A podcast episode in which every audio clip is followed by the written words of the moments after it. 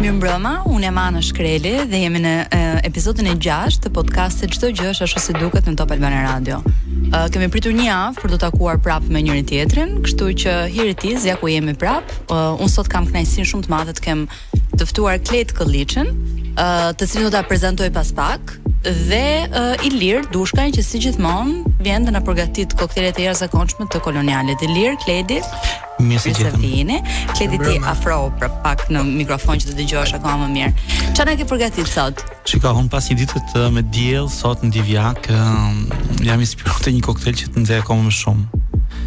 Kështu që sot kam bërë një old fashion që të kemi mundësi që këtë ditë tjetër të bukur ta shijojmë në zërin e Anës. Mhm. Mm Do të rrisi çikë atë timbrin e zërit, se mm. ti the që të fishkëllon zëri, po tani do të fishkëllojë çik më po, shumë. Më fishkëllejnë, më fishkëllejnë dhëmbët, tani do të thotë të më fishkëllojë barku. Ë, uh, Kledi, ë, uh, ke provuar old fashion më përpara? E ke pirë si pije? Jo, ja, është hera e parë që pi një koktejl të tillë.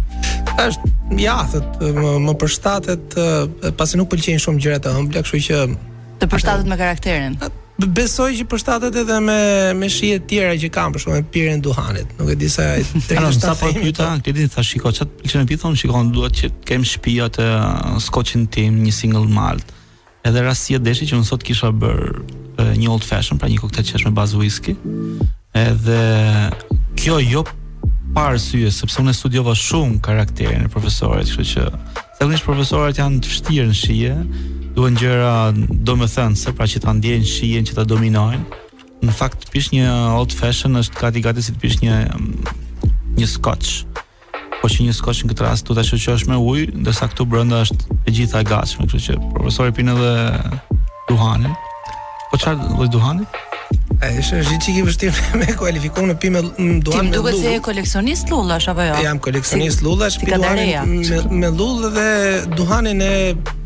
e bëj vetë në kuptimin e, e përgatis vetë, marr duhan në nga Shkodra. A sa mirë, shiko, unë jam shkodran, kështu që Virginia nga Shkodra nga zona e Sheldisë. Okej. Okay.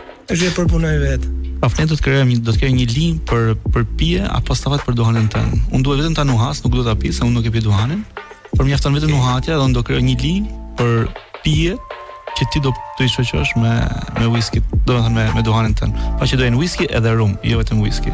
Mm. Do dalim nga do dalim nga whisky se më pëlqen ta vështirësoj çikë jetën time.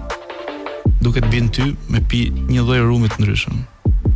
Mbasi një nga ato rumet që unë aromatizoj apostafat, që mund të aromatizojmë edhe me duhan, ha? Po, duhani përdoret edhe për në kuzhinë kam vënë re që gjethet e duhanit kanë filluar të përdoren edhe në si mm, ingredient gatimi. Ju ju duhanxhinjtë jeni të paparë, fantastik. Po, er, domethënë, ok, në kuzhinë përdoret, nuk e dija këtë gjë tani po e zbuloj, kisha shkuar tek gatimi me birrë, nuk kisha shkuar tek gatimi me duhan, por që është shumë sa transgresive po bëhet biseda në këtë pikë, po Realisht mund të aromatizohen pijet në duhan? Po, absolutisht po. Okej. Okay. Po, del del një një një tani me duhan është dy mënyrash, ose me tymin e duhanit, ose me gjethen e duhanit, kështu që mund të bëjmë të gjitha Ti ka përqindje sheqeri, duhani ka përqindje sheqeri, fermentohet, kështu që mm, shërben është i vlefshëm në mund ta përdorësh është polivalent. Po që besoj duhani që pini ju është uh, më i shnetshëm se sa cigarja. Po s'kam pi nji herë tamam cigare, kështu që nuk e njoh cigaren. Jeni përfundimisht jeni shumë uh, nuk e di shumë shik të dy. Ne na duhet të kalojmë pak në publicitet, po do kthehemi prap edhe do flasim pak për uh, old fashion. Ë uh, zakonisht po hyre me lexu çik për old fashion, shikon vetëm vlerësime nga nga njerëz të të nivelit të lartë, pra old fashion është edhe është një konkurrent i i Martinit, po jo i Martinit të bardhë, i Martinit koktel atë që quhet në gjithë botën Martini, pra që është një dry Martini. Ë uh, kjo është sepse është është i bazuar në një pije në një në një në whisky pra, ë uh, është le, lehtësisht i ëmbëlsuar edhe i hidhëruar me bitërin. Kështu që e bën perfekte, as është i ëmbël, as është shumë i athët. Ë uh, ka nuk ka karakter shumë të fortë sepse e thyen soda water. Po njëjtën kohë të lë një shije të veçantë në gojë mbrapa, sidomos për ato njerëz që konsumojnë ngadalë. Pra është sekreti I një old fashion është mos pihet shpejt, kështu që për të mos ta pish shpejt në këtë rast kemi përdor një akull masiv që nuk e lënë të shkrijë, kështu që nuk edhe ne nuk kemi nevojë ta pimë shpejt. Është e veçanta e kësaj sepse mm, edhe emri është shumë i rëndësishëm. Mm. Të krijosh një koktel që jep atë sensin e old fashion. Kjo ka krijuar dhe gotën Apostafat saqë quhet gota old fashion, kështu që ë uh, është një trend që është nisur shumë herët, ka mbi 200 vjet histori, kështu që ka arrit deri ditës së sotme dhe është i fortë akoma, kështu që kjo është janë ato historitë e suksesit të një pije që zgjat shumë gjatë sepse ju pëlqen brezave të tërë, kështu që mendoj që old fashion sot përfaqëson një ndër pijet uh, klasike edhe që unë e quj gjithmonë për, një të, për njerëzit e zgjuar, kështu që Edhe sot me që kishim ftuar profesorin, vendosëm ta bëjmë. Mua më pëlqen shumë gjithë analiza që ti bën paraprakisht pijeve që zgjedh për të ftuarit që kemi. Edhe je gjithmonë shumë i kujdesshëm në këtë pikë. Ë, uh, dua të theksoj diçka për njerëzit që na dëgjojnë se këtë e kam merak ta them që ë um, ne nuk është se kemi zgjedhur që të kemi pije alkolike në program, se kjo është një pyetje për shembull që më ka ardhur mm. dhe dua ta adresoj tani. Sepse promovojmë të dehurit. Nuk është ky thelbi. Mm Arsyeja pse mua më pëlqen shumë që ti je në program dhe që ne i, i diskutojmë pijet dhe i flasim bashkë është sepse pikërisht një njeri i cili pijen e pi me karar, me avash, arrin të dallojë pikërisht ë detajet, historikun, po edhe përbërësit e kësaj pije, që do të thotë këtu jemi me një në një element që ka të bëjë me pijedashjen dhe me vlerësimin e atij që është alkool i mirë, më kupton? Vlerësimin e shijes, po. Po, pra nuk është historia që të dalim në një lokal, pim 35 çiketi, si thonë italianisht njëri mbas tjetrit që një pikë që i, që i pinim edhe nëpër këto suflaqexhinjtë, mm. suflaqexhinjtë që bënin kebabe dhe ishte 1 euro një çiketo, domethënë nuk është ajo ideja. Ëm um, këtu qëndron edhe e bukura e Po, Old Fashion është në radhë parë është një koktej që është një një tretës, është tretës shumë i mirë. Mm. Kështu që nuk besoj që ka njerëz që nuk duan diçka që tret ushqimin që kanë ngrënë. Pra, kështu që ne jemi brenda brenda një nuk duam asnjëherë që njerëzit të pinë shumë, por që të shijojnë edhe të të gëzojnë shpirtin. Shumë shumë e bukur. Ë uh, është është një gjë interesante për kur vjen kjo puna me alkoolin, po them edhe me shijet tona sepse Unë kam bërë një kurs shumë të shkurtër çaji në Itali, një mhm. periudhë që s'po dija çfarë të bëja me jetën time, u regjistrova në një kurs çaji. Ë edhe ishte një çaj shumë specifik që është çaji i bardhë, që i thonë ndryshe çaji i perandorit, ai që mblidhet me doreza në ag të mëngjesit e me radhë. Edhe kur e piva unë m'u duk sikur piva ujë. Nuk arrija dot t'ia vlerësoja shijen. Dhe ky profesori i çajit më tha problemi juaj tha është që ju jeni europian dhe si europian që jeni pini kafe të zezë, pini whisky, pini birrë, pini gjëra shumë të forta dhe keni qiellzën e pamësuar për të kapur atë që është, po themi delikatesa. Si e shikon ti këtë pjesë? Po shiko, është e vërtetë që ndodh edhe me edhe me pijet, nëse ne kemi një kulturë të të alkoolit të të rushit pra të rakisë edhe shumë njerëz kanë filluar vitet e fundit pra unë kur kam ardhur në Shqipëri para 10 vjetësh njerëzit njihnin ca shije shumë të forta nuk nuk njihnin detajet elegante të të, të pijeve atë që po e the profesor më parë që të pish një një rum të mirë me një me një puro të mirë me një orë të bësh thjesht muhabet ti ndjen shumë aroma. Se s'është që alkooli nuk duhet të pihet të mbushet barku. Po pra. Që të shfryjë truri. Alkooli duhet që të kënaqet shpirti. Pra. Po ajo është e pirë nervore. Bravo. Kështu që ne këtë duam të promovojmë pra që njerëzit të njohin shijet se sa më shumë shije të njofim aq më shumë kulturë marrim në lidhje me pijen në këtë rast, pra që është një ndër pjesët e jetës tonë. Shumë interesante ti Gledis, pëlqen whisky, të pëlqen rakia? Më pëlqen Pije pi zakonisht të forta, që pihen pak, por që të mund të shoqëroj mundësisht duhanin. Duke lexuar do të ishte idealja. Edhe kjo, kjo është kjo është standardi, po edhe ëm nuk jam për nuk kam abuzu kurr me me pijen. Më tepër kam dëshirë ta shijoj. Pija është çështje kulture. Mhm. Mm Në kuptimin që çfarëdo lloj kulture flasim për pjesën pak Ej, europiane, ose edhe për vende të tjera, prodhon një një mënyrë e, e, evazioni. Alkooli është një formë edhe mënyrë evazioni. Jo vetëm psikologjik, ama dhe shqisor, në sensin që të shijosh. Ka ka ka shumë momente, për shembull, të bëjmë çik muhabet çik më të detajum. Ëm një pjesë e mirë e shoqërive, sidomos në zonën europiane, pa u pastruar uji, pinin alkool të hollum me ujë sepse ishte më shëndetshme se shëndetshme se sa të pije sa të pije ujin. Dhe kjo situatë ka viju deri në fillimet e um, e sistemit modern të pastrimit të higjienës të vlerësimit që Pija e ujit i cili ka nuk përmban bakterë ose është i pastrum, është i shëndetshëm. Dhe këtu pastaj fillojnë edhe pak a shumë edhe alkooli fillon edhe specializohet, u kufizohet përdorimi.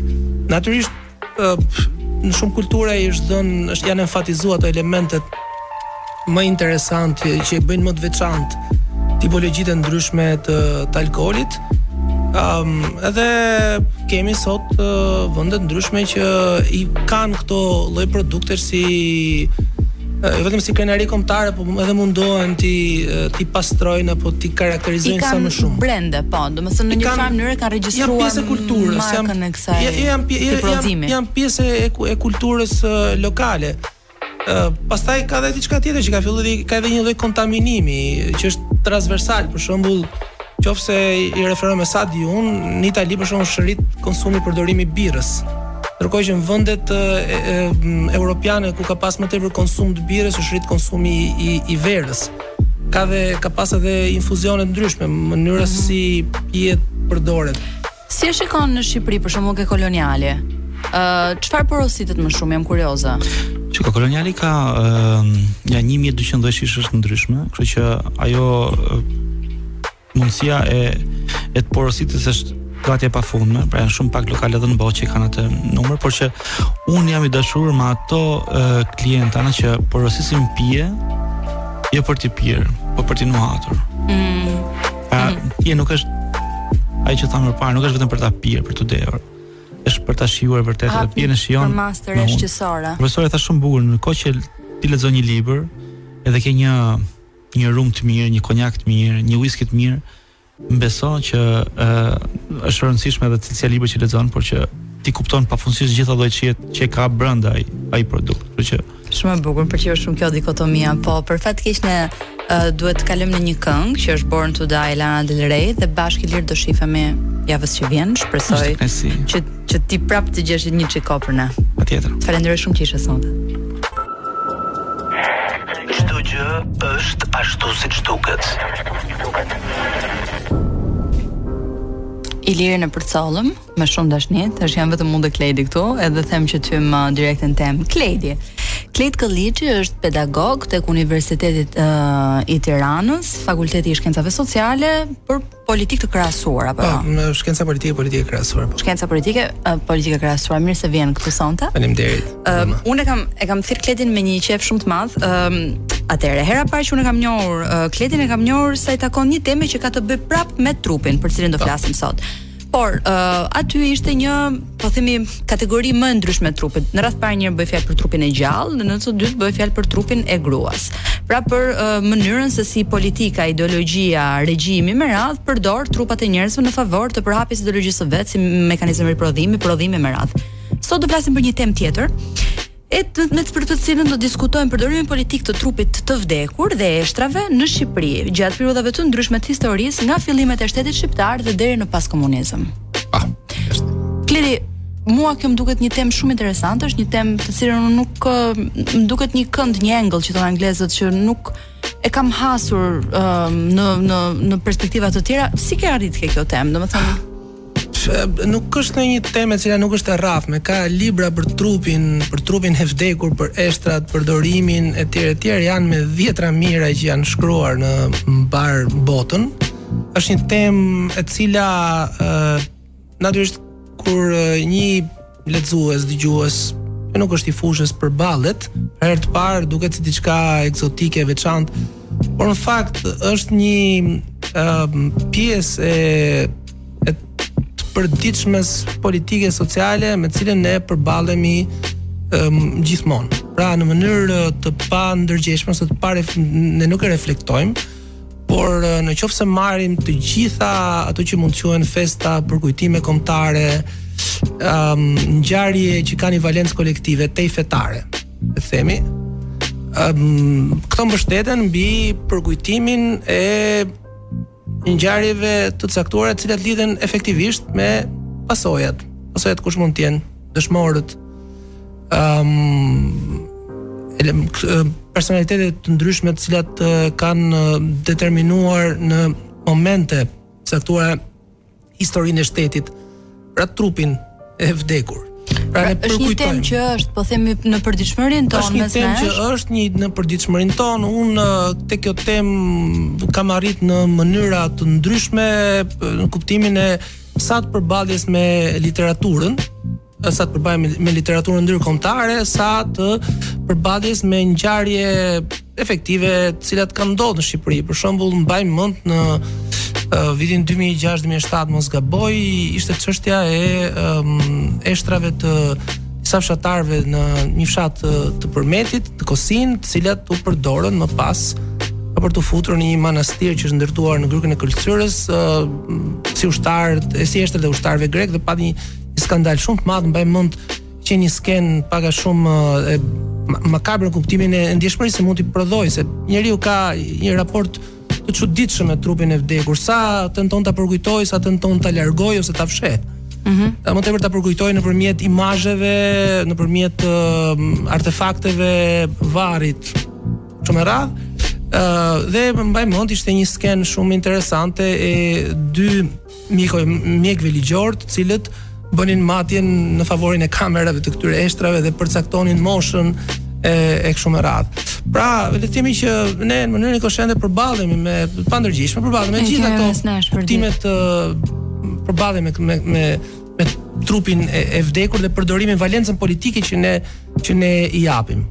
Në një recensë të vetën Alien Sperry shkruan: Diogjeni cinik propozoi që kur të vdiste kufoma e tij t'u hidhej qenve. Të jetosh sipas natyrës është më e mira e mundshme, argumentoi Diogjeni, dhe njerëzit e shkelin atë duke e trajtuar trupin e vdekur si një individ, dhe jo si atë që është në të vërtetë, mbeturina materiale, fati i të cilave nuk ka asnjë ndikim tek të gjallët. Megjithatë, Laqueur në The Work of the Dead argumenton se sugjerimi i Diogjenit është pritur me mosmarrëveshje të fuqishme. Ne kujdesemi për një trup të vdekur, megjithëse e dimë se menjëherë ose shumë shpejt pas asaj që ne e quajmë vdekje biologjike, ai trup nuk do ndjejë më asgjë. Trupat e të vdekurve bëjnë punën e kulturës, duke krijuar një bashkësi kujtese që bashkon të gjallët dhe përcakton natyrën e vetë njerëzimit. Si e ndërtohet sipas teje bashk kjo bashkësia e kujtesës dhe çfarë do të thotë në këtë rast? Atëherë, uh, unë nisem ne secili kjo është një një temë tek e cila njerëzit mund të gjejnë përjetime personale. Mm -hmm. Unë kam përshtypjen që um, ankthi i parë me të cilin njeriu përballet me trupin e vdekur, përveç se mund të mos jenë raste um, me themi krimesh e kështu me radhë, është ai i i varrosjes. I varrosjes në kuptimin e të shtënit në dhe sepse trupi i vdekur ka efektin e më pas të të shpërbërjes edhe të themi të shpërbërjes mishit e kështu me radhë, por ka ankthin e përkujtimit, e e, e respektit. Sepse dashje pa dashje, mënyra se si ndërtohet raporti me trupin e vdekur impakton edhe në rolin apo në mënyrën se si një person, një individ, një familje pozicionohet në një ambient shoqëror. Dhe i gjithë raporti ose i gjithë procesi që krijohet mbas momentit të vdekjes së një personi në raport me trupin është tek adeti tek procesi social, ajo që prodhohet nëpërmjet trupit të vdekur. Unë mbaj mend të në, në momentin e Covidit. Një nga çështjet më dramatike për familjet nuk ishte thjesht humbja e jetës së një të afërmi ishte pamundësia e për ta përcjellë. Dhe um, shpesh herë dhe um, kamerat fokusoheshin tek përcjellja vetmitare e një e një personi nga një nga familjarët më të ngushtë, nga një apo dy a dy persona. Kjo ka qenë nga problemet e mëdha sepse um, Covidi uh, theu një sërë uh, rregullash sociale um, nga të cilat njerëzit sot rrallë rrallë tentojnë të të të shkëputen. Është tejet e, e vështirë. Bashkësia e kujtesës mund të jetë në në në në dy në dy forma. Mund të jetë një bashkësi kujtese në kuptimin e asaj çka mban gjallë dhe të, të lidhur një një shoqëri ka një unë të paktën e shoh kushdo nga ne ka përballet me me varreza dhe kështu me radhë ka një garë të ethshme në varrezat e Tiranës, sidomos në ndërtimin e monumenteve funerare më vanitoze. Vanit, jo vetëm vanitoze, po varet edhe edhe pak me me mënyrën dhe raportin ndjesor që ka familja me me me personin e humbur. Po në, në nivel politik? kjo është për aspektin social. Në raportin politik këtu ka një një element shumë interesant. Ë uh, kujtesa familjare, përkujtimi ka një kohë fizike e cila mund të të shkëputet. Në çfarë kuptimi? Ëm um, një familje për arsye nga më të ndryshmet mund të mos ketë pasardhës. Pra nuk ka një person i cili merret me me përkujdesjen për uh, varrin, për uh, përkujtimin e, e figurës. Um, kjo ka ndodhur për shembull edhe për efektin e migracionit, për arsye nga më të ndryshme. Shteti nuk vdes kurrë. Ajo që bën të mundur kri, krijimin e, e kësaj bashkësie kolektive kombëtare nëpërmjet atyre që mund të jenë trupat e jashtëzakonshëm, ekselent të shkrimtarëve, njerëzve që kanë politikanëve të ndryshëm, baballarëve të kombit e kështu me radhë, ëm um, këtë bën të mundur shteti një organizëm me një natyrë. Po pse ka nevojë shteti për këtë? Pse ka nevojë shteti për këto eshtra? Ka ka nevojë sepse mbi bazën e, e mbi bazën e këtyre eshtrave provohet uh, mund të provohen disa disa disa elementë. Për shembull, uh, nuk ka asnjë shtet sot uh, me përjashtime shumë të rralla, nuk ka shtete sot në në botë që nuk uh, mbështeten tek elementi i sakrificës. Sakrificës të një grupi individësh të caktuar, ushtarë, njerëz të ndryshëm të cilët kanë dhënë jetën për një të ardhme dhe natyrisht borxhi që i kanë brezat është përkujtimi. Dhe natyrisht ky përkujtim bëhet dhe festat kombëtare kështu me radhë, janë festa të cilat lidhen pikërisht me përkujtimin në rikoshetin e trupit të vdekur. Po ju marr dhe një shembull shumë interesant. Për shembull, po të marrim rastin e Britanisë së Madhe, Anglisë. Është një nga shtetet më të vjetra që ka një vijimësi institucionale prej për një 40 vjet arrin 1000 1000 vjetorin. Ëh. Mm -hmm. Të paktën po të nisemi me përkufizimet kohore të dinastisë moderne britanike të mbretërve. Megjithatë, një nga ngjarjet kolektive më të rëndësishme e cila përkujtohet me intensitet dhe sot e kësaj dite, është fundi i luftës së parë botërore. Pra, për të arritur një lloj koshence ndërgjegje kombëtare, kolektive, u desh sakrifica e luftës së parë botërore. Pra, që nga momenti i themelimit të atij që mund të quhet bërthama e shtetit modern. E deri në ditët e sotme, e kanë kaluar rreth 800-900 vjet, është lufta e parë botërore shënon Atë lloj ndërgjegjësimin kolektiv, ajo sakrifica mbinjerëzore e miliona ushtarëve të vdekur në fushat e Flandrës, në Francë, në Belgjikë, bëri të mundur krijimin e kësaj ideje kolektive. Dhe aty lind edhe përkujtimi uh, i veçantë i, i, i ushtarit, i cili është pjesë e një kolektiviteti, i cili është i, i emërtuar, varrin e ka të veçantë, përkujtohet e kështu me radhë, pa i shërben për uh, krijuar atë idenë e krizës kolektive. Ka një rast, qoftë se do ta përmend, mm -hmm. uh, që lidhet me Shqipërinë, me rastin e ushtarëve britanikë që kanë vdekur në në Shqipëri. Zakonisht uh, është um, shteti britanik i, i varros ushtarët në, ose ka ka kërkuar t'i varrosë gjithmonë, pothuajse gjithmonë ushtarët në vendin ku ato bien. Kjo gjë ka qenë thuajse e pamundur në vitet 50 në në Shqipëri gjatë periudhës komunizmit. Ëm um, megjithatë ndërtuan, në një varrezë që u ndërtua në në Greqi për ushtarët e rënë luftën e dytë botërore, u vendosën në varre bosh gurët e varrit të çdo ushtari që kishte rënë në Shqipëri. Dhe në vitin 92-93, kur rivendosen, mbasi rivendosen marrëdhëniet, një ndër gjërat e para që që, që bëhen është edhe gjetja e këtyre eshtrave të ushtarëve që ishin varros në Shqipëri, ishin, diheshin se ku ishin, merren, janë rivarrosur atje ku janë tek parku i liqenit dhe të njëjtët gurë që ishin në Greqi që kishin edhe 50 vjet që që rrinin aty çmontohen dhe rivendosen në atë në në varrezën ku ku janë sot. Pra, ë kjo natyrisht këtu ka dhe debate të ndryshme sepse shpesh ky lloj përkujtimi shoqërohet me ato reminishencat e kolonializmit. Pra një shtet i cili ka aty u ka bërë luftën, ka dhe varret e ushtarëve dhe i përkujton. Po përveçse të kolonializmit, a lidhet pak edhe me një lloj reminishence të asaj që po themi konsiderohet e shenjtë, pra ne shohim një lloj trajtimi gati gati si relike, hm, sa i takon pa uh, vlerës që këto eshtra marrin në një farë mënyrë. Ky është ky është një aspekt uh, më tepër i modernitetit se sa i trajtesës uh, që i është dhënë eshtrave fillimisht. E Dakord jam, po mendon që ka një kalim, eventualisht me me me pakjen e rolit nga... po themi të përmasës mm. religjioze. Po, pa, çfarë ndodh? Pa dyshim. Uh, Megjithatë uh, ka një ka një element shumë interesant, se për shembull uh, eshtrat e shenjtorëve uh, Përgjithësisht ekspozohen si relike.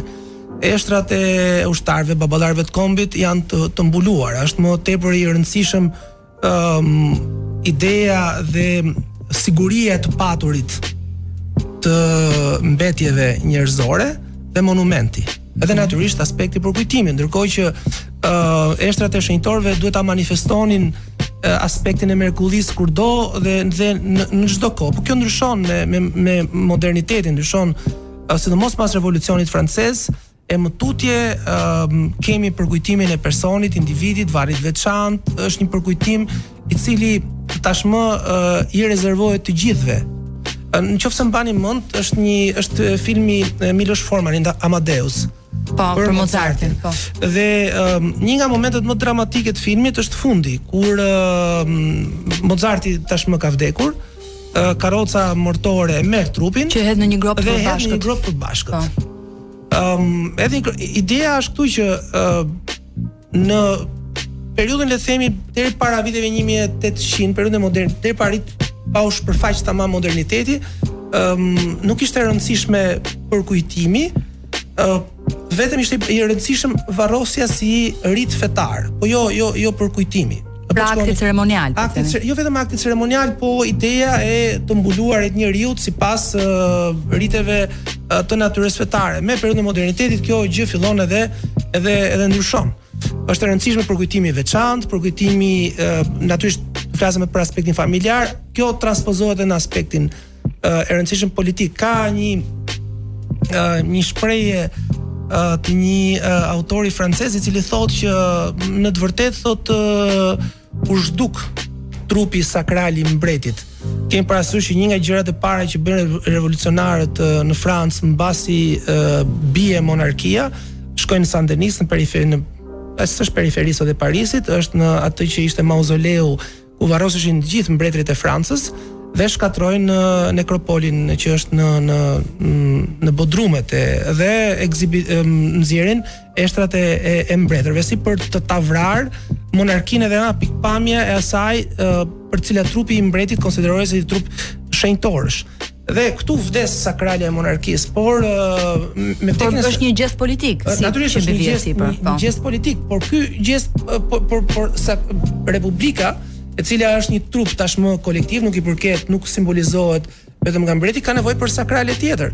Dhe pastaj kemi Panteonin po prap në Paris, kemi zemrën e Maratit, e cila është ekspozuar, duhet të jetë ekspozuar edhe sot, pra që ka një valë marrin Pra, ajo sakralja fetare zëvendësohet nga sakralja shtetërore. Keni parasysh që në çdo moment që bëhen ceremonitë e, e periudhës sidomos përkujtimit të luftës së parë botërore, janë përkujtimin të ajo quhet varri i ushtarit të panjohur. Mm -hmm. Ai që simbolizon gjithë nëpërmjet eshtrave të një ushtari të panjohur, ta simbolizohet e gjithë tërësia e një shteti dhe një shoqërie të caktuar. Shumë interesant. Unë do doja shumë që të ndaleshim pastaj të komentonim pak më specifikisht rastin e Shqipërisë, të cilin ti e ke parë. Uh, për momentin do kalojmë në uh, publicitet dhe në muzikë, pastaj do rikthehemi bashkë të flasim pak për Shqipërinë dhe si mund ta konset si mund ta ndajmë po themi Shqipërinë në etapa pikërisht nëpërmjet përdorimit politik të trupit të vdekur. Të gjithë regjimet politike në Shqipëri themelohen mbi trupa të vdekur, në dikotominë shmitiane mik e armik, ose më saktë heronj e armiq, të jashtëm e të brendshëm. Kongresi i Lushnjës triumfon apo stabilizohet me vrasjen e më pas anatemimin e Esat Pash Toptanit e heroin e gjallë Avni Rustemi. Republika e 1925-s themelohet dhe pse në mënyrë të tërthortë, mbi një vijimësi trupash të vdekur, sikurse ato të Avni Rustemit, Bajram Currit, Luigj Gurakuqit, Hasan Prishtinës.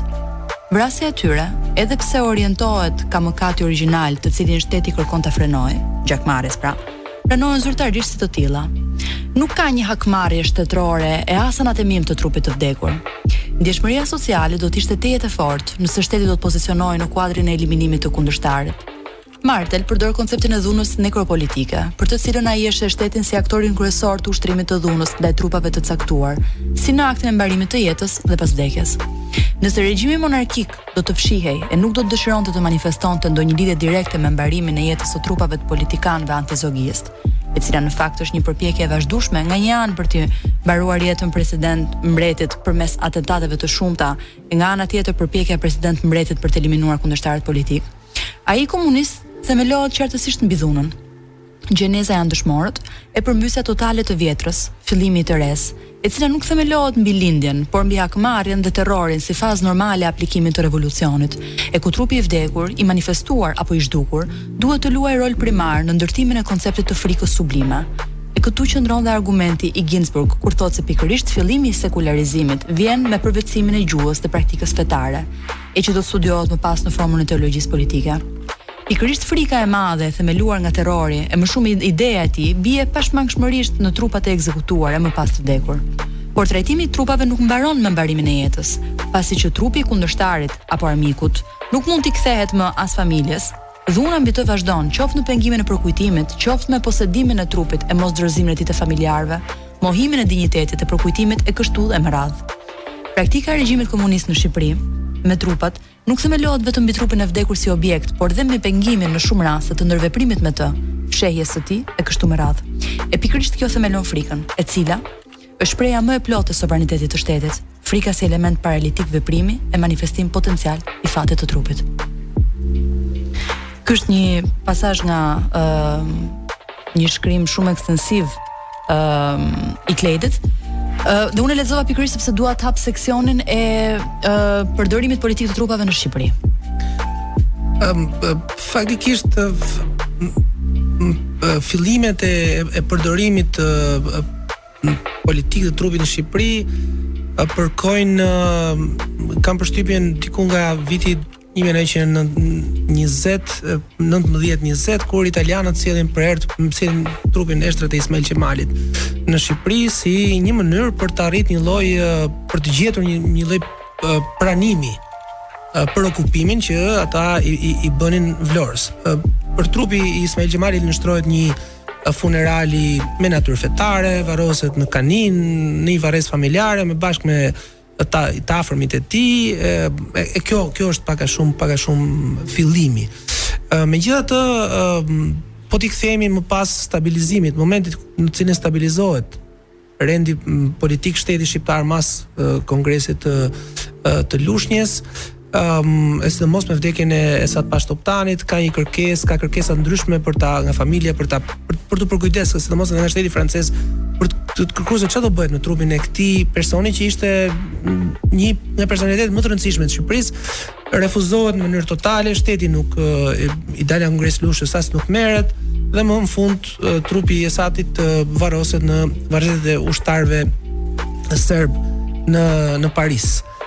Kjo pra refuzimi i trupit. Në krahun tjetër në vitin 1900 me me vdekjen e vrasjen e Avni Rustemit, revolucioni që kërkohet të të ndërtohet nga të gjithë le themi bashk bashkëpunëtorët e tij, shoqata bashkimi, gjithë grup politikanësh me tendenca të forta uh, anti-establishment, anti-zogiste, po, nuk do të hyj këtu historisë uh, të revolucionit, themelohet pikërisht me trupin e, e vdekur. Pasi merret trupi i Avni Rustemit, i cili mbirja dësimin. Jo, jo, uh, trupi i Avni Rustemit ndërkohë ka vdekur në vdes në Tiranë uh, dhe duhet varroset.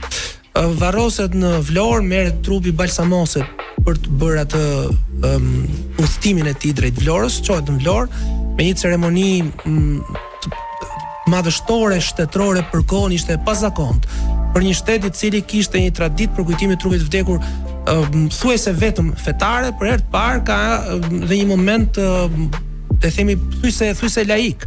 Thuajse si shkruan që është për herë të parë po që është një funeral modern, po funeral themi. modern me ekspozimin e trupit, me paradimin e tij, me banda frymore, me me mobilizimin e atyre që ishin institucionet publike shqiptare, përcillet deri në në Durrës, nga Durrësi shkon me një anije drejt Vlorës, Dhe aty ka gjenezën, fillon ka gjenezën revolucioni. Në një farë mënyre bashkëpunëtorët e Avni Rustemit kërkojnë ta bëjnë Vlorën, uh, Mekën dhe po po flas janë fjalët më duket të Lazër Shantojës.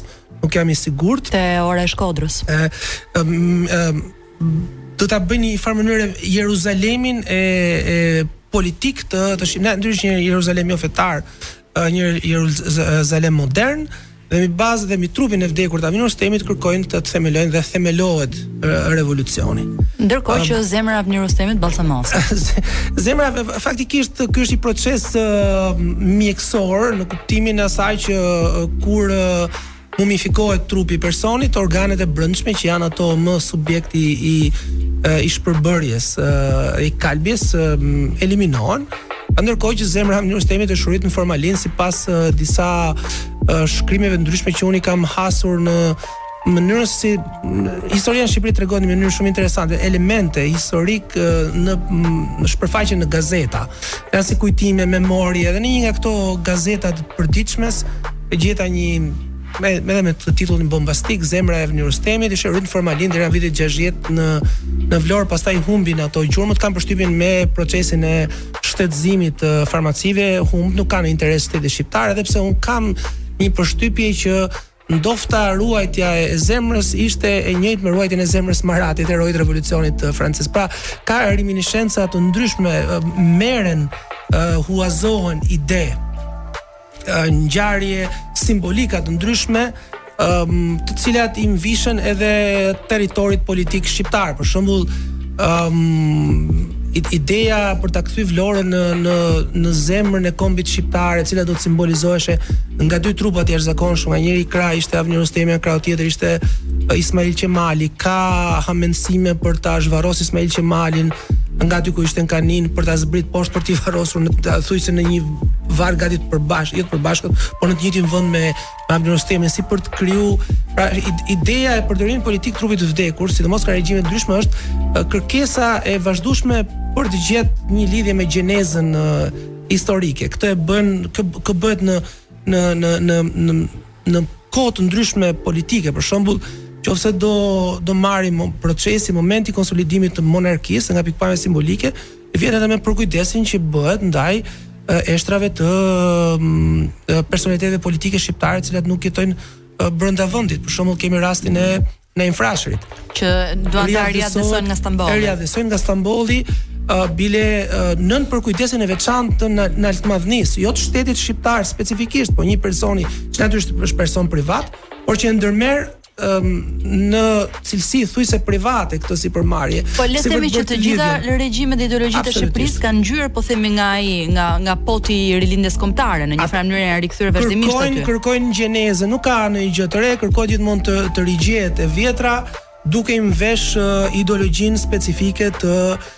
të momentit. Pa për shembull, po të marrim rastin, e, rastin më ekzemplar i gjithë këtyre historive është janë eshtrat e Naim Frashërit. Çdo një varrim për çdo regjim. Rivarroset nga Zogu, nga e, italianët e, në vitet 40 ëm um, është shumë interesante rasti i um, edhe i rivarrimit uh, nga autoritetet um, nga mëkëmbësi i mbretit Jakomoni, cili uh, merr dhe përkujdeset personalisht për këtë gjë, uh, tentativa është jo për të, është sa nga njëri krah për ta përvetësuar, në anën tjetër ja ofron trupin e Naim Frashërit një uh, institucioni fetar, ishin bektashinjtë, bektashinjtë përkujdesen në mënyrë të përkohshme në periudhën e Zogut derisa ndërtohej një panteon kombëtar, ka pas një um, ide për të ndërtuar një panteon kombëtar në modelin e atij francez apo atij italian, i cili të mblidhte të gjithë këto um, personalitetet më të rëndësishme të vendit, por që kur vijmë në periudhën e e pushtimit italian, um, i le, lihet një autoriteti fetar. Pra,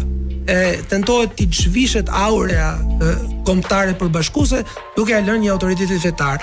Çfarë bëhet në vitet 50, gjatë periudhës së komunizmit, prishet varri i cili ka shenja të markuara fetare dhe varroset, rivarroset diku aty afër kryeministrisë dhe mbetet deri nga viti 76 kur rimerret dhe Abdyl Frashëri më fal, pse regjimet socialiste në të gjithë Europën Lindore kanë gjithë këtë jep e merr me trupat me eshtrat e të vdekurve, domethënë se kjo është një gjë që e hasim, nuk e hasim vetëm në Shqipëri, mund të themi që e hasim. Ka um, një nga vendet i cili në të cilin i gjen shembujt është shumë të rëndësishëm um, është Hungaria, por përpjekje ka dhe regjimi i Çausheskut për të gjetë eshtra të rëndësishëm të rumunëve të vdekur um, në mbarë botën pse është e rëndësishme. Unë kam një hipotezë e cila nuk është se është një gjë shpikje origjinale, kam përshtypjen që bëhet shumë i rëndësishëm në momentet kur ëm um, hiqet dorë në një farë mënyre nga utopia e realizimit të një socializmi me valencë globale i cili do ta harrojë, do ta zhveshë, do ta zhduki kombëtaren në zhvillimin e një ideali um, universal. Po që ka bërë internacionaliste e tjerë e tjerë. Po. Ky moment uh, fillon edhe bjerret. Në vitet 50, 60 është e vështirë që të arrihet dhe um, shumë vende gjejnë uh, le themi strehim ke ideja e marrjes së eshtrave ose përkujtimit të atyre që quhen uh, baballarët e kombit, baballarët e kombit dhe të kulturës. Se nuk janë vetëm baballarët e kombit politik, por janë edhe baballarët e, e kulturës. Kjo bën të mundur uh, edhe lidhjen me një uh, kulturë të cilës uh, një pjesë e mirë e vendeve lindore të Evropës lindore nuk i janë shmang, kultura uh, europiane. Pra, um, është një pjesë e mirë e këtyre autoriteteve sidomos që merreshin me të muzikës kompozitorë të ndryshëm kanë ndru jetë për arsye të ndryshme në vendet e Evropës Perëndimore dhe kërkohen të merren. Un kam përshtypjen që të njëjtën gjë ka bërë dhe edhe edhe Shqipëria, për shembull, në vitet 80 kërkohet riatdhesimi i trupit të uh, Moisiut, Aleksandër Moisiut, aktorit, aktorit po. të madh shqiptar i cili ka vdekur në në Zvicër. Natyrisht është e vështirë që t'ja marrësh uh, shtetit zviceran uh, eshtrat, por kërkohet pse sepse um, ekziston një farë lidhje me këtë me, me idenë e, e kulturës europiane. Dhe shpesh këto personalitete, që nuk janë shpe, vetëm personalitete politike, por janë personalitete që i kanë dhënë kulturës ndërkombëtare uh, kërkohet pikërisht bëhet edhe kjo lidhja me me me idenë e Evropës e kështu me radhë. Një lloj shtrati i, i përbashkët. Edhe këtë e gjejmë, e gjejmë në Hungari, e gjejmë në në Poloni edhe në në vende të tjera. Por është edhe një farë mënyre diferencimi, diferencimi me Bashkimin Sovjetik, me Lindjen, i cili bëhet shpeshherë, e sidomos pas viteve 90 edhe nëpërmjet eshtrave dhe trupave të atyre që mund të ishin kundërshtarët politik të regjimit, që mund të ishin politikanë ose pra, edhe Pra, dalim në një dikotomi tjetër shumë interesante, sepse nëpërmjet trup, domethënë shqyrtimit politik të trupit të vdekur kemi markimin ekzakt të atij që është mik dhe atij që është armik në një farë mënyre. Pra, është dhe një valencë tjetër. Ekziston në çdo lloj forme regjimi, por për regjimet komuniste, për regjimet e tipit komunist natyrisht valenca mik armik vlen në të gjallë dhe edhe në të vdekur. në regjimet kam përshtypjen edhe ato liberale deri diku edhe ato um, ndofta nuk mund të flas për regjimet të tipit nazi fashist po um, të paktën regjimi fashist nuk nuk merresh shumë me me çfarë ndodhte me me trupin e vdekur të një kundërshtari politik i dorëzohesh autoriteteve fetare ose familjarëve dhe çështja mbaronte me me me vdekjen me eliminimin e, e personit për regjimet të tipit stalinist shkojnë deri në zhdukjen definitive të trupit, sidomos në periudhat e para ku manifestimi i trupit të vdekur mund të shkaktojë dhe reagime të natyrës politike, shkojnë deri në shkatrimin edhe të eshtrave të kundërshtar Të atyre që quhen kundështarë politikë, të vdekur, për shembull, një nga arsyet si, si, si un kam tentuar ta shoh këtë këtë priftin është... katolik për shembull në pushkatim të para. Jo priftin katolik, por uh, kemi rastin e, e Fishtës. Mm -hmm. Shkat, me thënë uh, um, At Zef Pllumi ka rrëfyer që trupi i Fishtës merret nga kisha e françeskanëve në Shkodër, hiqet nga varri që ishte brenda kishës dhe uh, eshtrat e tij humbasin në në lumin Kir. Ëm mm -hmm. um, për shembull un kam parë me sytë e mi, uh, le të themi që edhe shumë pushkatime pikërisht priftërinjsh janë bër buz lumit Kir në në zallin e lumit jo, jo Kir. Jo vetëm të jo vetëm priftërinjve se, çështja e zhdukjes së trupit e i përket jo vetëm kategorive të caktume. Jo kategori, jo, jo duke marr, un po marr rastin e një armiku politik. Po ja t'ju them edhe këtë është një gjë shumë interesante ë kushdo që shkon në varrezat e qytetit të Gjirokastrës që gjenden buzë rrugës kombëtare, uh, mundet uh, me sy të lirë të dalloj uh, dy varre uh, të cilat kanë gjurmë plumbash. Uh, që janë varret e është një um, më duket uh, nuk gaboj është një prej uh, eksponentëve të Ballit Kombëtar i cili vdes në në vitin 43-44 dhe mbas mbasi çlirimit të kavash Shqipërisë, ë varri i tij pushkatohet nga mendo ti të pushkatuar nga partizanët.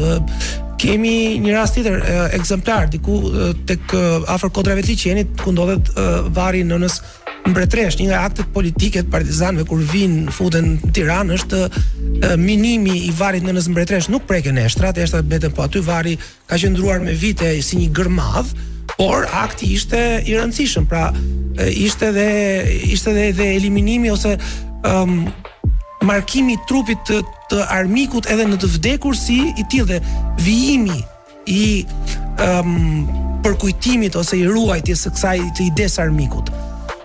e kemi një situatë të tillë po dhe me varrin e Zogut në në Francë ku ëm um, akuzohen autoritetet e ambasadës shqiptare për uh, vënie bombash e situata të tilla. Pra, ideja e në një në regjimin komunist trupi i armikut është gjithmonë trup armiku.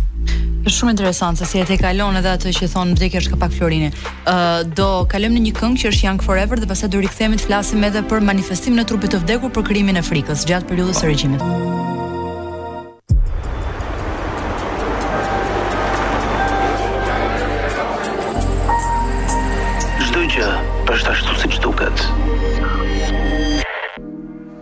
Vazhdojmë jemi me Klejd Këlliçin, po flasim për uh, përdorimin politik të trupit të vdekur tani me kontekst, pra të kontekstualizuar. Në Shqipëri kemi kaluar uh, periudhën e parë, që është periudha monarkike zogiste, tashi kemi hyrë në periudhën e regjimit. Ëm um, për të të bërë unë shumë shkurt një pyetje dhe pastaj do ta lë skenën e lirë. Ëm um, cili është roli i luajtur nga trupi i vdekur në ndërtimin e aparatit të frikës gjatë periudhës së regjimit në Shqipëri? Po e një nga elementët më ikonik që më vjen në, në mendje është një kinoditar që paraqet eliminimin e personave që janë të përfshirë në gjyqin e tharjes së Kënetës Maliqit. Po, në, në 46-ën, më duket, në 46 po. Dhe po. është uh, gjithë procesi i vilifikimit të trupit të personit, uh, njerëzve që dalin me pranga, me ftyrat e, e nxira nga torturat, uh, të dobësuara, të rreshkura, të cilat janë në momentin e në proces të, të ekzekutimit. trupat e varur, trupat e pushkatuar të të, njer, të njerëzve këto janë të ndërtojnë atë imazhin, iden. Po kjo kam përshtypjen ka nisë edhe çik më pak më përpara. Ka nisë diku nga tetori i 44-s, sidomos në zonën e Tiranës, tetor nëntor pak përpara çlirimit të Tiranës kur merren nga familjet e Tiranës një pjesë njerëz, një disa individë nga forcat partizane dhe më pas ekzekutohen diku ke bregu i lumit dhe trupat e këtyre personave një pjesë të mirë këtyre nuk nuk, nuk gjinden. Ëm um, dhe un kam përshtypjen se ose duke e e parë më vonë këtë ndërtimin pjesën e aparatit të frikës, un kam përshtypjen që fillim viteve 90 pak duke folë edhe me të afërm që kanë pas problemet e zhdukjes uh, prindërve ose të afërmve që dhe që i kërkonin, kam përshtypjen që filloi një lloj gare një përpjekje e ethshme për gjetjen e eshtrave të këtyre të afërmve dhe kam përshtypjen që njerëzit kanë kuptuar idenë e frikës pikërisht duke parë um, individë të ndryshëm apo grupe që shkonin tek bregu i lumit apo ato që quhen vendet e për të kërkuar eshtrat. Për të kërkuar eshtrat. Po eshtrat megjithatë janë kërkuar dhe më përpara, ka dëshmi për shembull dhe të um, Sevasti Qiriazit dhe personazheve të tjerë të cilët kërkonin pa, pa, nga shteti ose dhe privatisht i kanë kërku po në periudhën e parë të terrorit një pjesë e këtyre njerëzve janë varrosur edhe në vende të pamarkume.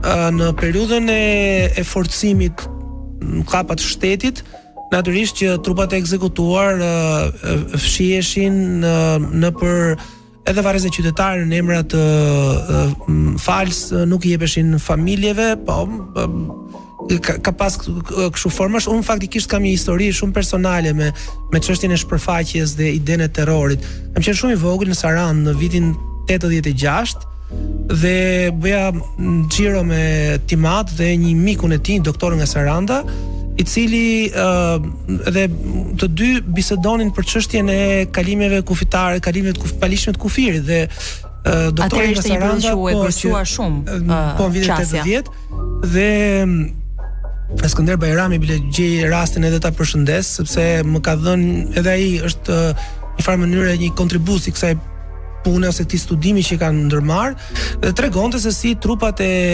um, njerëzve që kalonin kuf, tentonin të kalonin kufirin dhe që vriteshin, ekspozoheshin nëpër fshatrat e ndryshme. Një pjesë e këtyre njerëzve vinin kryesisht nga fshatrat e minoritetit.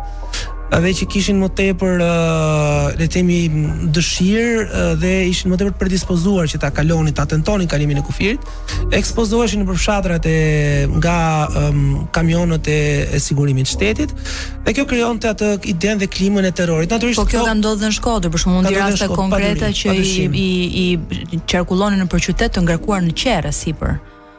Kjo është ideja për t'i treguar dhe për ta shpërfaqë idenë e e terrorit dhe idenë e frikës mbi mbi popullatën. Ëm um, natyrisht ky ishte një nga deterrent, një deterrent i i, i rëndësishëm i i aparatit të terrorit. Natyrisht kjo kjo nuk ka qenë një um, një sjellje um, edhe një praktikë e ndjekur gjithmonë. Um, kishte raste, por që natyrisht rastet bënin të mundur edhe idenë dhe klimën e, e terrorit që përshkronte popullatën në raport me tentativat e, e arratisjes. Ishte një çmim shumë i madh që njeriu duhet të të pagonte. Rrallëkush e tentonte.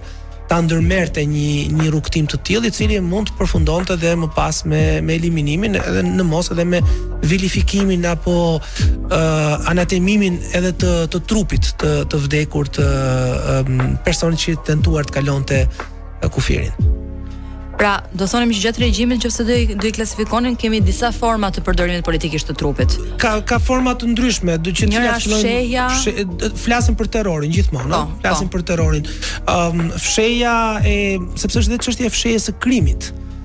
Pra, nuk është të thënë që terrori të funksionojë uh, vetëm si një mjet dhe mekanizëm um, në në dritën e diellit, Pra nuk është thjesht çështje, thjesht çështja është e eliminimit të atij që mund të quhet armik politik.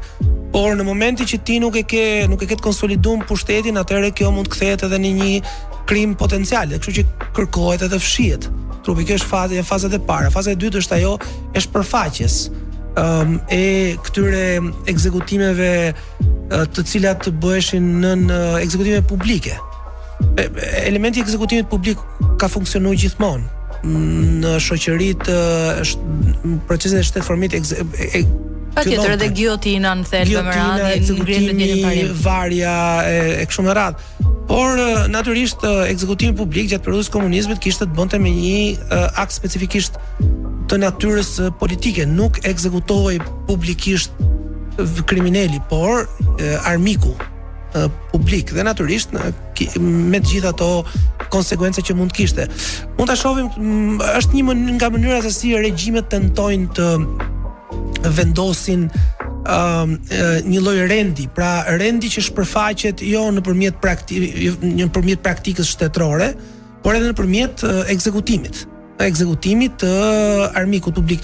Është një gjë e ngjashme edhe pse nuk është uh, ndofta paralelizmi nuk shkon, ka ndodhur edhe mbas viteve 90. Një nga vrasjet më makabre që ka ndodhur në Shqipëri ka rezultuar në një ekzekutim të dy personave, dy vëllezërve në në Fier, është mm, ekzekutimi kam përshtypjen i pari dhe i vetmi publik që është kryer mbas viteve 90. Në momentet që natyrisht regjimet ndjehen të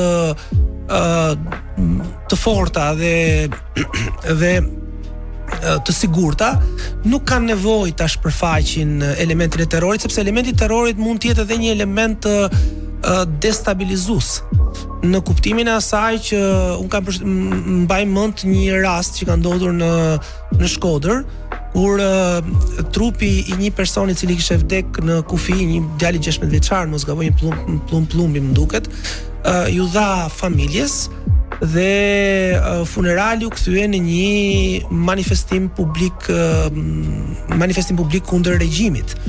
Dhe kështu që është e vështirë edhe mënyra se si administrohet terrori në në faza të ndryshme sepse trupi i vdekur, pavarësisht është trupi i armikut, mund të kthehet në një potencial eksploziv um, proteste politike, i cili mund të përdoret edhe si sepse vdekja i prek natyrisht të gjithë. Um, Asnjë regjim nuk e vilifikon në atë farë forme trupin e vdekur sa uh, t'ia uh, ta cënojë uh, publikisht. Pra, uh, marrja e eshtrave të Gjergj Fishtës është bërë në mënyrë të fshehur. Uh, hedhja uh, groposja në në forma të ndryshme të trupave është bërë është bërë në mënyrë të fshehur pra Sepse nuk është bërë ato e ruan një përmasë është një përmasë shpirtërore dhe pra lidhjen me një realitet që është përtej tonë është e vështirë që ta ta ashtu ta ta shpërfaqësh. Kështu që nga njëra anë kemi uh, për po themi përdorimin uh, e trupit për krijimin e imazhit të armikut. Terror. Si po, terrorit pra dhe, dhe po themi anës armiqësore. Vim prapë te regjimi, uh, po për po themi adhurimin e trupit në këtë rast çfarë bëhet me krijimin e varrezave? Un po, uh, një nga aktet e para të rëndësishme të regjimit të uh, me vendosjen e regjimit komunist ka qenë dhe ishin krijimet e varrezave të dëshmorëve. Krijohen fillimisht si një formë ankthiogene them unë, për mendimin tim, të përkujtimit të trupave të shokëve të rënë dhe kjo kulmon në vitin fillim viteve 60 me fillimin edhe ndërtimin e varrezave monumentale të dëshmorëve. Varreza monumentale që ndërtohen në, në shumë vend, në shumë anë të vendit, janë edhe sot e kësaj dite që flasim janë monumentet më të nga monumentet më të rëndësishme të edhe që shenjojnë dhe markojnë edhe hapësirën urbane. Qoftë se kemi fe, kemi parasysh Vlorën, janë në mes të qytetit, në Korçë janë jo larg, duken edhe në në në buzë të kodrës e, e kështu me radhë. Kjo është pjesa le themi e sakrificës që manifestohet nëpërmjet trupave të vdekur të dëshmorëve. Po nga krahu ti nga ana tjetër është edhe lidhja e e kësaj një lloj gjeneze kombëtare që bëhet nëpërmjet tentativës për të rekuperuar uh, trupat e uh, personaliteteve politike të rënë. Uh, dhe unë këtu kam përshtypjen për shembull po të marrësh rastin e uh, e dy prej atyre që kanë qenë armiq të regjimit, Luigj Gurakuqit, po më shumë të Hasan, të Hasan Prishtinës, uh mhm. -huh. armiq të regjimit të Zogut në kllapa. krijon një lloj gjenealogji, një lloj uh, lidhje direkte dhe uh, vë në vend dinjitetin e personit por në të njëjtën kohë, um, si të thuash merr në kllapa dhe hakun ndaj një regjimi i cili ka kryer një krim të caktuar duke vënë në vend pikërisht përkujtimin.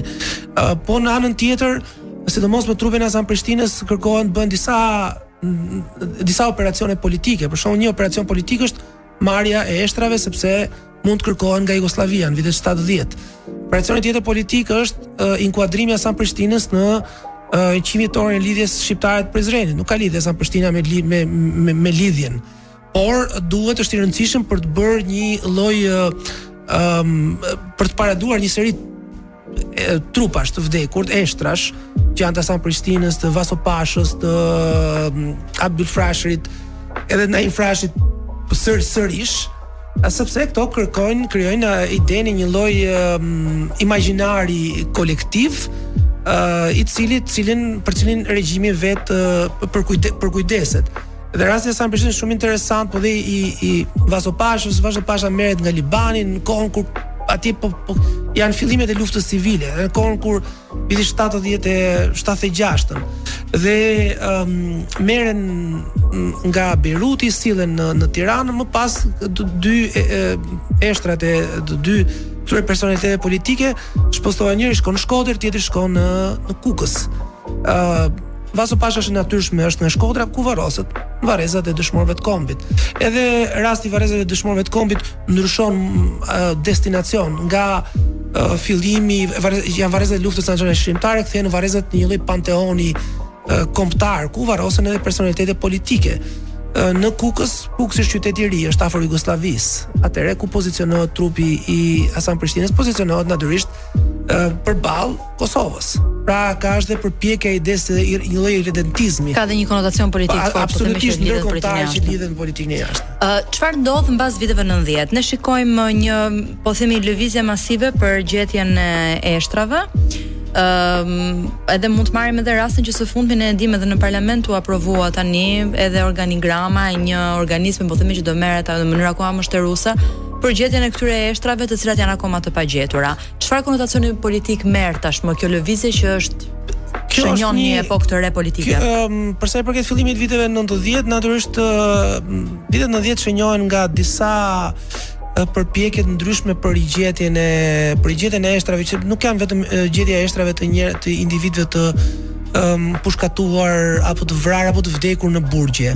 Këtë e kërkojnë uh, kryesisht familjarët. Familjarët janë ata që bëhen uh, bëhen iniciatorët dhe shpesh familjarët ndërmarrin iniciativa private, shteti është pak prezent. Të mos harrojmë që jemi edhe në momente mm, social-ekonomike relativisht të vështira. Është më e lehtë për shtetin gjerman që të kërkojë mbas gati 50 vjetësh trupat e ushtarëve të të rënë dhe për Britaninë e Madhe që të kërkojë gjetjen e ushtarëve dhe varrosjen në varrezat e te parku i liqenit të ushtarëve, sesa për shtetin shqiptar që të kërkojë dhe të gjejë eshtrat e ish të përndjekurve apo e të personave të vrarë për efekt të terrorit. Uh, por natyrisht që Në sistemi i ri themelohet mbi sakrificën e këtyre personave është pra e pashmangshme që t'i shmangësh. Pra zëvendëson në një farë mënyrë ata që ishin u ishin i shënjuar si armiku, si trupi i tyre në këtë rast shërben si bazament për ngritjen e një politike tjetër. Uh, si një lloj bazamenti, por këtu ka një problem shumë interesant, për shembull nëse vijmë tek uh, gjetja e eshtrave të atyre që quhen të rënët apo të vrarët për efekt të bombës të ambasadës sovjetike uh, gjenden diku në periferi të, jashtë uh, Tiranës, uh, diku këtej nga zonat e Ndroqit, në mos gaboj, um, e, është disi e pamundur që të identifikohen, në ato kohë ishte, um, kam përshtypin që mjekësia ligjore ose ishte në vështirësi për, për të, për të kompozuar trupat e, e veçantë, kështu që gjehet një lloj zgjidhje e ndërmjetme, varrosen të gjithë në varrezat e e dëshmorëve dhe Varrezat e dëshmorëve marrin një valencë po i përforcohet kjo ide e një lloj valence kombëtare. Megjithatë është interesante që ata varrosen së bashku, pra varrosen prapë si kolektiv. Varrosen kolektivisht, por varrosen pak kohë përpara zhvarrosjes nga varrezat e dëshmorëve të ëm eshtrave të Enver Hoxhës dhe disa funksionarëve të regjimit. Edhe kjo është shumë interesante. Kjo është shumë interesante. Gjithmonë te varrezat e dëshmorëve bëhet gati gati një përplasje midis mbështetësve. të disa palëve, kjo është një gjë shumë po, interesante që ti e ke cekur se në 5 maj gjen um, ka një lloj ndarje shumë interesante të kohës kur bëhen uh, homazhet. Uh, fillimisht uh, mund të shkojnë uh, zyrtarët e, e shtetit, kushdo, qendra e majtë qendra kushdo që është në pushtet. Ëm um, nëse është parti, nëse është qendra e majtë në pushtet, partia socialiste në pushtet mbrapa ka dhe fotografi të Enver Hoxhës që janë vijnë nga ithtarë të ndryshëm, persona që jo detyrimisht kanë lidhje me me me funksionarët publikë, por që natyrisht kërkojnë të bëjnë një lloj lidhje, një lloj analogjie. Një lloj vazhdimësie, mendojnë të bëjnë një lloj vazhdimësie. Dhe më po. pas janë përfaqësuesit e opozitës, në qoftë se është PD-ja në në opozitë, për shembull, ku natyrisht nderohet edhe edhe Azem Hajdari uh, si hero i demokracisë. Uh, shumë interesante. Kjo është një temë që unë kam idenë që mund të kishim vazhduar gjithë natën. Um, dhe kjo është arsyeja pse Kledi është duke përgatitur një libër dhe unë e lashë që ta thoja tani në fund këtë gjë, um, i cili sigurisht është e, e shqyrton në mënyrë shumë herë më shteruese dhe me një background teorik të atillë që të mund ta pra ta analizojë uh, antropologjikisht, politikisht dhe filozofikisht çështjen e përdorimit të trupave të vdekur për qëllime politike. Kledi, unë të falënderoj që ti ishe sot me ne. Faleminderit shumë dhe juve. Mendoj që ky është një nga podcastet më të bukur që kemi bërë. ë uh, dhe mendoj që ka shumë për të mësuar, kështu që të falënderoj shumë. Uh, unë do t'ju Falënderoj edhe që më dhatë mundësinë për të folë në radio, një mjet i dashur për mua, po që për arsye të shumta nuk kam pas mundësi. Falënderoj shumë. Natën e mirë. Natën e mirë.